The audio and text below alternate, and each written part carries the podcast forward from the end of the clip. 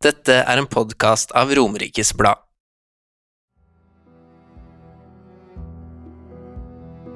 Barna dine er drept, og du er, eh, du er sikta for dobbeltdrap. Idet hun sier det, så Så bare føler jeg at hele verden min raser sammen.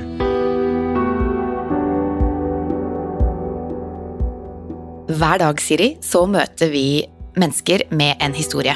Det kan være fine historier, triste historier, sterke historier, morsomme historier. Det gjør vi, og det er akkurat eh, disse historiene vi ønsker å ta for oss i Romerikes Blad sin nye podkast Et øyeblikk med Seim og Seigrud. Og jeg er Tina Seigrud Årdal, leder av Mitt Lillestrøm. Og jeg er Siri Marie Seim Sønstli og leder av Mitt Jessheim. Og vi gleder oss veldig. Det gjør vi.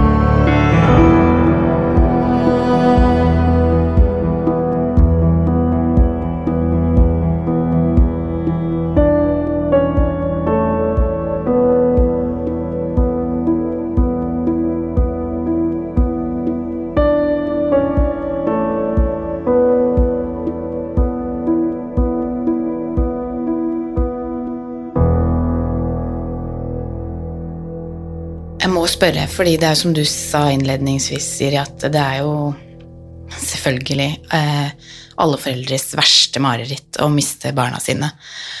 Og så får du på en måte to beskjeder parallelt der. Eh, Den ene beskjeden går på at eh, barna dine er drept.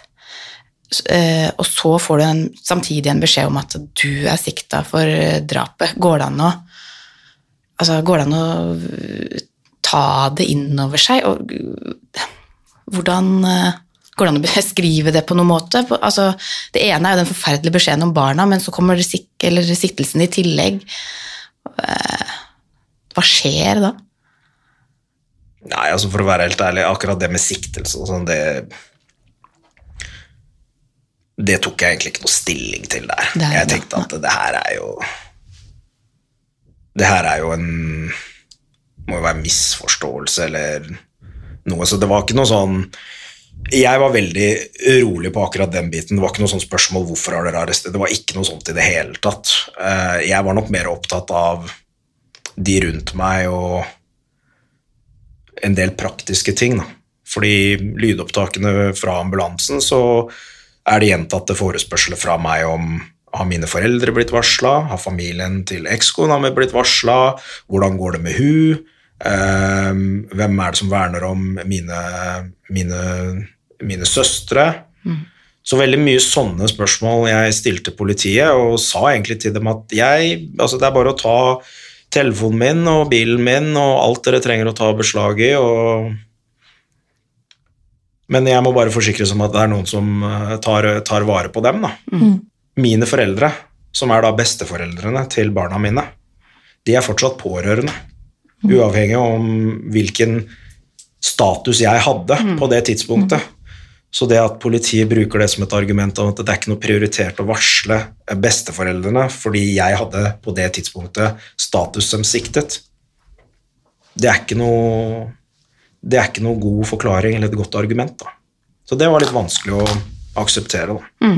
Og så visste jo du selv at du dro jo dit fordi du ville ha ut barna dine Ja. fra det som på en måte var overskriften i avisene, da. Og så tenkte du på de rundt deg og dine eh, i etterkant. Og siktelsen kanskje blir litt mer sånn parallell, fordi det, du vet jo hva du bryr deg om der og da. Ja. Det var jo aldri noe sånn, så jeg var jo veldig samarbeidsvillig hele veien. Det, når jeg først kom ned på politistasjonen, så var det jo først eh, to krimteknikere som tok meg imot, og de var jo veldig sånn Føler du at du er liksom i stand til å gjennomføre det her og sånn? Og da husker jeg at jeg sa rett ut til dem at ja, vi gjennomfører det, fordi jo fortere dere blir ferdig med meg, jo fortere kan dere bruke ressursene på å finne ut på hva som har skjedd. For jeg har ikke noe med det her, altså jeg har ikke gjort det her, da. Jeg har liksom så sterke beviser og så sterke alibier for det her da, som jeg kunne vise til. Da. Um, så vi blei jo egentlig bare sittende med dem og ta fingeravtrykk og DNA og alt det, greier, alt det styret der da, til jeg fikk oppnevnt en, eh, en forsvarsadvokat. Da. Um, Og så ble vi sittende i i ganske lange avhør da, med, en, med en etterforsker. Og da husker jeg at det var vel på et tidspunkt hvor jeg hvor jeg blei ganske provosert, da. For det var litt mer sånn På det tidspunktet så vet jo ikke jeg at det er ekskona mi som har gjort det. Jeg var veldig sånn Har dere funnet hva som har skjedd? Um, og så spurte jeg gjentatte ganger hvordan går det med ekskona mi. Og da var liksom reaksjonen hvorfor lurer du på det? Og så sier jeg liksom det er da naturlig å spørre om det. Altså, Begge barna mine har blitt drept, og moren til barna mine er hardt skadet og ligger på sykehus. Det er et helt naturlig spørsmål å stille et sånt spørsmål. da. Så, men i, i løpet av avhøret så var det gjentatte ganger er det, no, er det noen som har varsla foreldrene mine. Er det, hvem er det som ivaretar familien min? Jeg tror det var opptil sju ganger jeg, hvor det ble tatt opp. da. Og jeg var litt sånn Dere kan holde meg her hvor lenge dere vil. Jeg må bare ha en forsikring om at altså, gi meg det her, så skal jeg gi dere alt dere trenger. Eh, for, fordi det er ingen eh, Det er ingen automatikk at du kan sitte i et sånt avhør og gi all den informasjonen når du har fått de to beskjedene som du har fått. Og jeg kunne sagt at jeg er ikke i stand til å avhøre, så ville kanskje prosessen tatt lengre tid. Så jeg var veldig sånn um, Spilte veldig på lag med politiet for å liksom komme fortest mulig mål på akkurat den biten der. Da. Og da føler jeg samtidig at uh, mine forespørsler var ganske beskjedne. Da. Jeg husker til og med på et tidspunkt hvor jeg sa at eh, begge barna mine er døde. Jeg vil liksom ikke at uh, foreldrene mine som er voksne, også skal stryke meg av sjokk liksom, og, og få en sånn beskjed. Altså, noen må ivareta dem. Da. Men uh, det var vel ikke før uh, Jeg husker at det må ha vært den siste timen hvor jeg følte liksom at spørsmålene endra seg litt.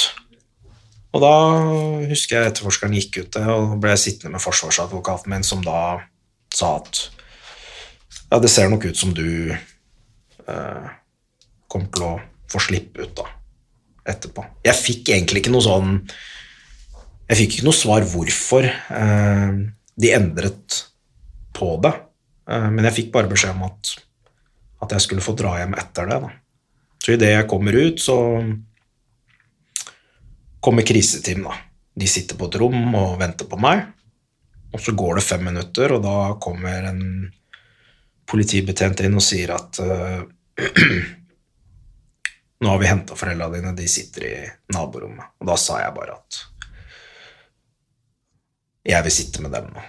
Gikk jeg inn der, og så ble vi kjørt hjem til foreldra mine etter det, da. Men du visste ikke på det tidspunktet at, eh, at de nå mistenkte ekskona di? Nei, det gjorde jeg ikke. ikke i det hele tatt. Jeg hadde ett møte med politijuristen som hadde saken innledningsvis. Uh,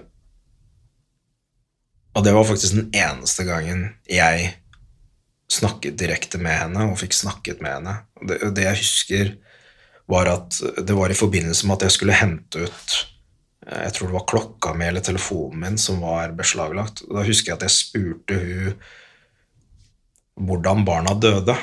Liksom, fordi jeg trodde at det var, fordi det var utløst av en brann, så trodde jeg innledningsvis at det var et uhell i forbindelse med noen røykskader.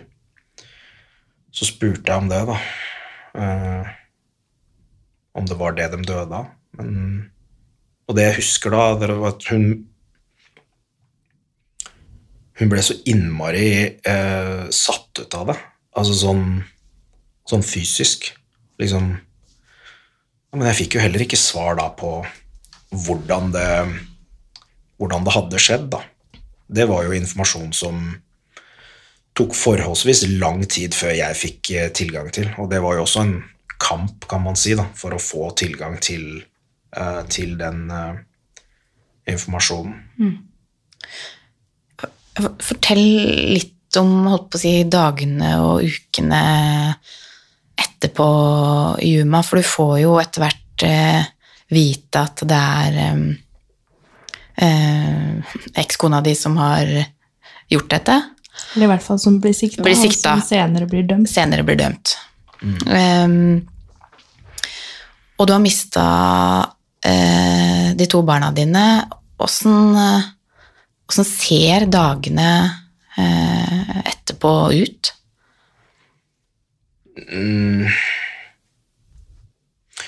Kanskje ikke Jeg tror nok det folk vil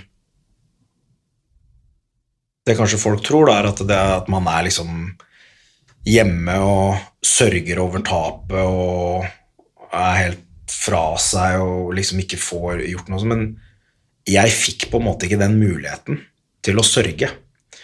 For det var så innmari mye kaos rundt meg på alle fronter.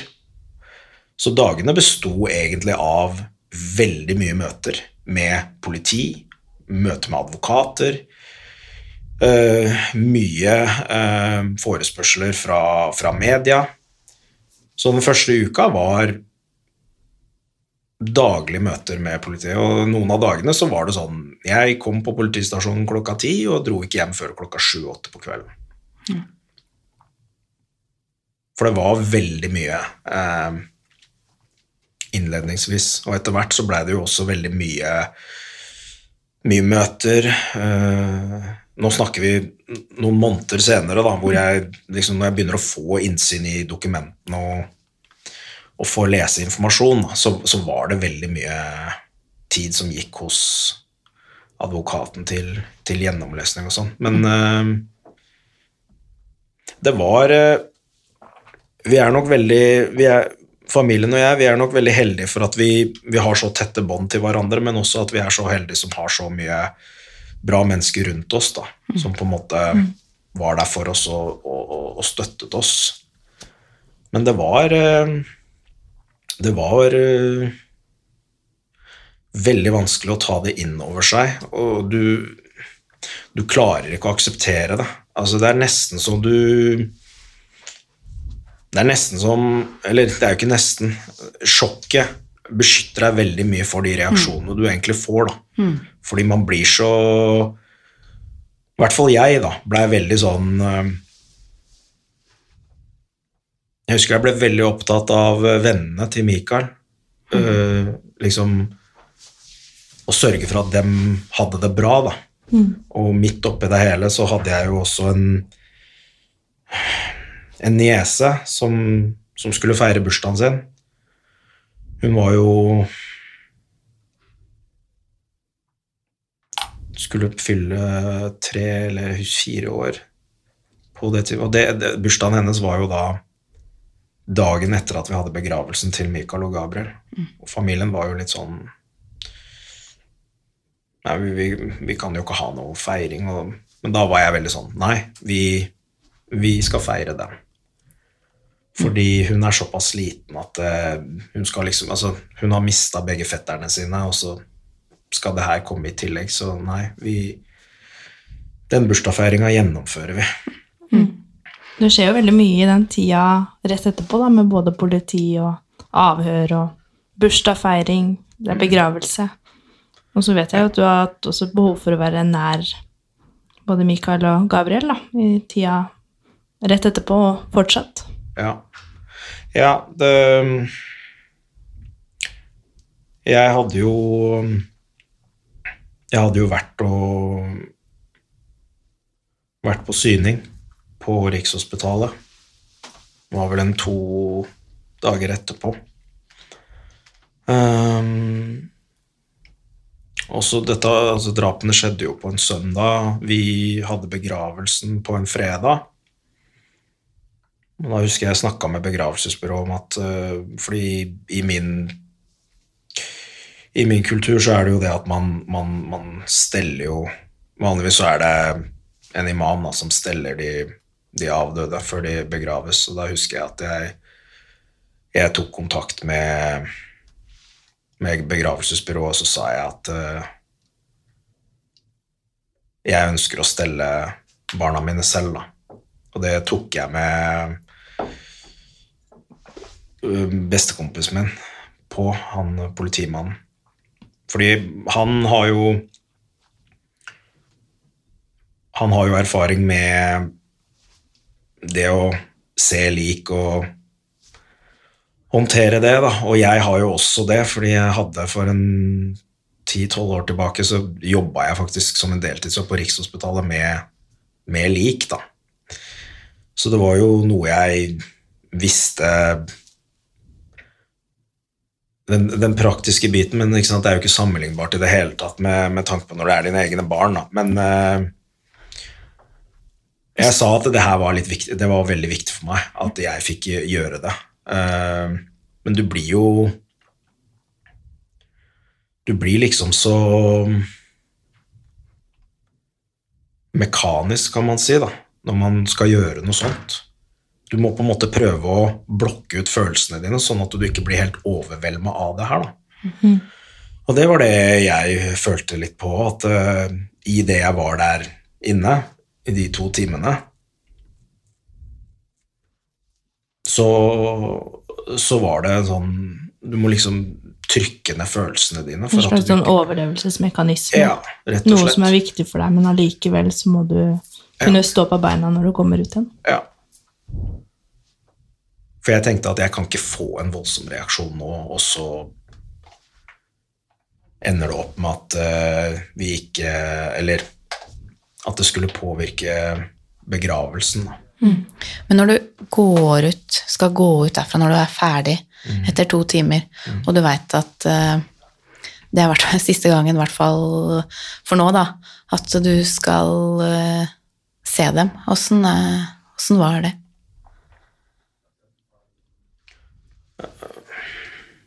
Nei, det var Det var, eh, det var vanskelig. Vet at barn, eh, barn som Eller mennesker som blir utsatt for eh, kriminelle handlinger, altså likene deres eller kroppene deres, de er jo obdusert, ikke sant, så det, det er ikke noe hyggelig å se på, da. Og når du da ser at det, det er dine barn, da, så så var det vanskelig. Og jeg var jo også sånn Jeg hadde jo ikke noe svar ikke sant, på det tidspunktet. Så jeg var jo veldig sånn som var på søken etter svar da, med hva som hadde skjedd, og så liksom Er det noen merker, er det noen tegn jeg kan se her? Så var det det med øh, at øh, det var noen gjenstander jeg hadde lyst til å ha i kistene til barna. Så, som vi fikk eh, Som vi fikk lagt ned, da. Ting som hadde betydd mye for dem? Ja, ikke originalversjonene, eh, men ting vi gikk til Sånn som Gabriel var jo veldig glad i Fantorangen, så vi kjøpte jo en helt ny Fantorangen-bamse til han og plasserte den i, i armkroken hans, da. Um, men man er liksom ikke seg selv, da. Man, er, man, man, man, man klarer ikke å ta det inn over seg. Jeg merker jo sånn selv i dag, så så er det noen ganger at det kommer som lyn fra klar himmel. Nesten så du føler at du tråkker over eller tråkker feil mens du er ute. Eller liksom at det nesten går ikke feil i eget liv, liksom, på en måte. Ja, eller at det er nesten så du Altså, det kjennes nesten ut som det kommer sånn strøm igjennom kroppen min, hvor jeg blir sånn derre Jeg får ikke se barna igjen. Altså, det, det, det er vanskelig å ta inn over seg, da. Og det var enormt vanskelig i veldig, veldig lang tid, det å Det å tillate seg selv å ha det bra. Det var sånn var sånn jeg brukte enormt mye tid på å, å akseptere. Fordi det var liksom den derre Barna er borte, hvordan kan du gjøre det her? Det var liksom null eh, Null aksept fra min side, akkurat den biten. da. Men på hvordan måte var det tungt? For at eh, du vet jo om min historie, og det vet ikke de som lytter på denne podkasten, men jeg overlevde jo Utøya. Der er det jo barn som ble drept. Jeg overlevde. Det tok veldig lang tid før jeg tillot meg selv å være glad, fordi du hadde skyldfølelse for at du overlevde, selv om du heller ikke var så gammel. da. Helt forskjellige historier kan ikke sammenlignes, men bare den, når du nevner det, så kjenner jeg at det, er noe, det er noe menneskelig gjenkjennbart i det. da, At man får liksom Når skal jeg få lov til å smile? All den tid eh, andre også sørger over sine. Eh, og en nasjon sørger. Det har vært eh, nasjonal sak i likhet med din sak, da. Eh, hva, hva gjorde du for å på en måte tillate deg selv å si at eh, det er lov til å smile kanskje Eller samle familien til bursdagen til nesa, eksempel, er jo å, å bygge opp under noe som er vanlig, da. Eh, Eller tok det lang tid før du tillot deg å liksom tenke at jeg får lov til å ha det bra eller være glad, om så bare i få sekunder? Ja. Da, da snakker jeg ikke dager, Nei. uker, eh, måneder. Jeg snakker om eh, Jeg tror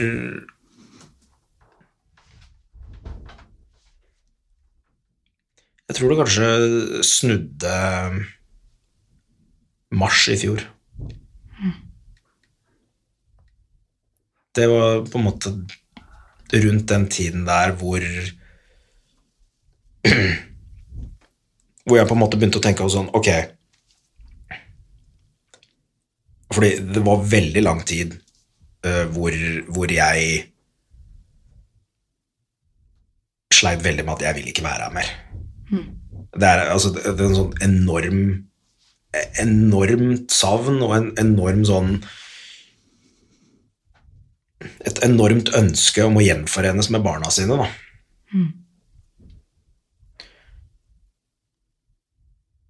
For da holdningene mine blei jo veldig sånn Veldig likegyldig til veldig mye. Eh, ikke noe fokus på Veldig sånn selvdestruktiv, egentlig. Ikke noe sånn fysisk med Men mer sånn Ikke noe ivaretakelse av Ikke, altså ikke noe fokus på å ivareta helsa si. Utviklet noen uh, usunne vaner. Veldig sånn Nesten som man på en måte prøver bevisst å forkorte livet sitt, da. For å bli fortest mulig ferdig med det. Men jeg tror, jeg tror det som jeg, jeg begynte Jeg begynte vel egentlig å, å, å kjenne på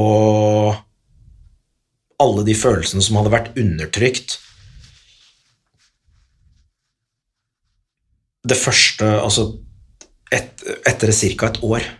Etter et år så begynte reaksjonen å komme. Ja, for Er det i Yuma to på en måte faser? Den første sånn kampfasen hvor man skal finne ut av ting, eh, hva som har skjedd, eh, få oversikt, en slags sånn overlevelsesstrategi på et vis, og så kommer, går man på et eller annet tidspunkt over i mer kanskje i å ta inn over seg hva som faktisk har skjedd, og hvordan skal man leve videre med dette? Ja. Ja. Jeg tror nok, eh, og det vet jeg også er eh, det er, ikke, altså det er ikke unikt for meg. Jeg vet også at eh, en del av de ofrene fra Utøya, de kjente også akkurat på det samme, at du klarer på en måte ikke å ta det innover deg og sørge før alt det juridiske på en måte er ferdig.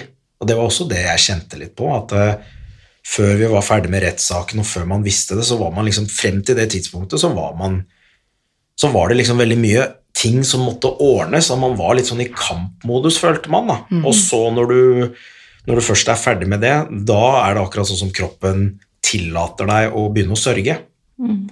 Og det var ikke noe sånn Jeg husker at det var ikke noe sånn gradvis for meg. Det var mer sånn Nå åpner bakken seg under meg, og jeg bare faller. Ja, man Det- husker det som at det har gått et år, og det er da det liksom skjer, liksom. Ja. Det var Jeg kjenner bare meg litt igjen i det. Nå var vi inne på at jeg er en av de Utøya-overlevende. Eh, Men på dag, altså, noen dager etter det hadde gått ett år, det er første gang jeg sover ordentlig. Mm. Og da, da begynner liksom en ny reise, som ikke er så praktisk av seg. Som Ja. ikke handler om alt det samfunnet forventer av deg. Om du skal gå i politi for din del, da. Det er politiavhør, det er etterforskning, det er svar på ting underveis, det er liksom Og inni her er det begravelse, og så går månedene, og så skal du eh, liksom ut av døra. Du skal liksom Du skal på en måte mestre hverdagen, da. Eh, og til slutt så står du der aleine, og da skal du Da er det plutselig Da har du liksom Du har gjort alt dette, og da er det tid for at bakken kanskje åpner seg, da. At du må ta inn over deg andre sider av det du faktisk har opplevd. Og det var eh, Det blir jo en sånn forsinket sørgprosess, da. Som, som jeg absolutt ikke var forberedt på i det hele tatt. Nå var det ganske mye som skjedde akkurat på det tidspunktet, som kanskje kompliserte det litt mer, men det var jo først ferdig med rettssaken, og så er det ettårsdagen som kommer neste måned. Og så to måneder senere så åpner, så er det offisiell åpning av Mikael og Gabriels lekeplass, som vi bygde. Og så kommer oktober, som er bursdagen til Gabriel. Og så kommer november, som er bursdagen til Mikael. Og da husker jeg at uh, jeg begynner allerede å bli ganske dårlig eh, Sånn ordentlig dårlig føler jeg at jeg begynner å bli i august. Slutten av august. Og så Da begynner det liksom med mye mer mareritt, mye søvnproblemer, mye uro. Mm, Begynner å merke at eh, min gjennomføringsevne er liksom ikke til stede i det hele tatt. Det er liksom avtaler som blir gjort, som må kanselleres. Jeg prøver liksom å komme meg opp, men jeg bare føler at jeg bare faller og faller og faller og faller. Og faller. Og så kommer vi vel egentlig til et punkt i i oktober, det var faktisk på bursdagen til Gabriel, hvor min fastlege setter ned foten og sier at det her går ikke mer. Det er mm, nå, nå, nå, du må liksom, nå må du tillate at noen andre hjelper deg og ta vare på deg. Da. Det syns jeg var veldig vanskelig, da, fordi jeg husker at jeg tenkte jeg overlever ikke det her. Det, det er faktisk det jeg tenkte. Det her går ikke. Du har nå hørt en podkast av Romerikes Blad. Ansvarlig redaktør er Rune Bernhus.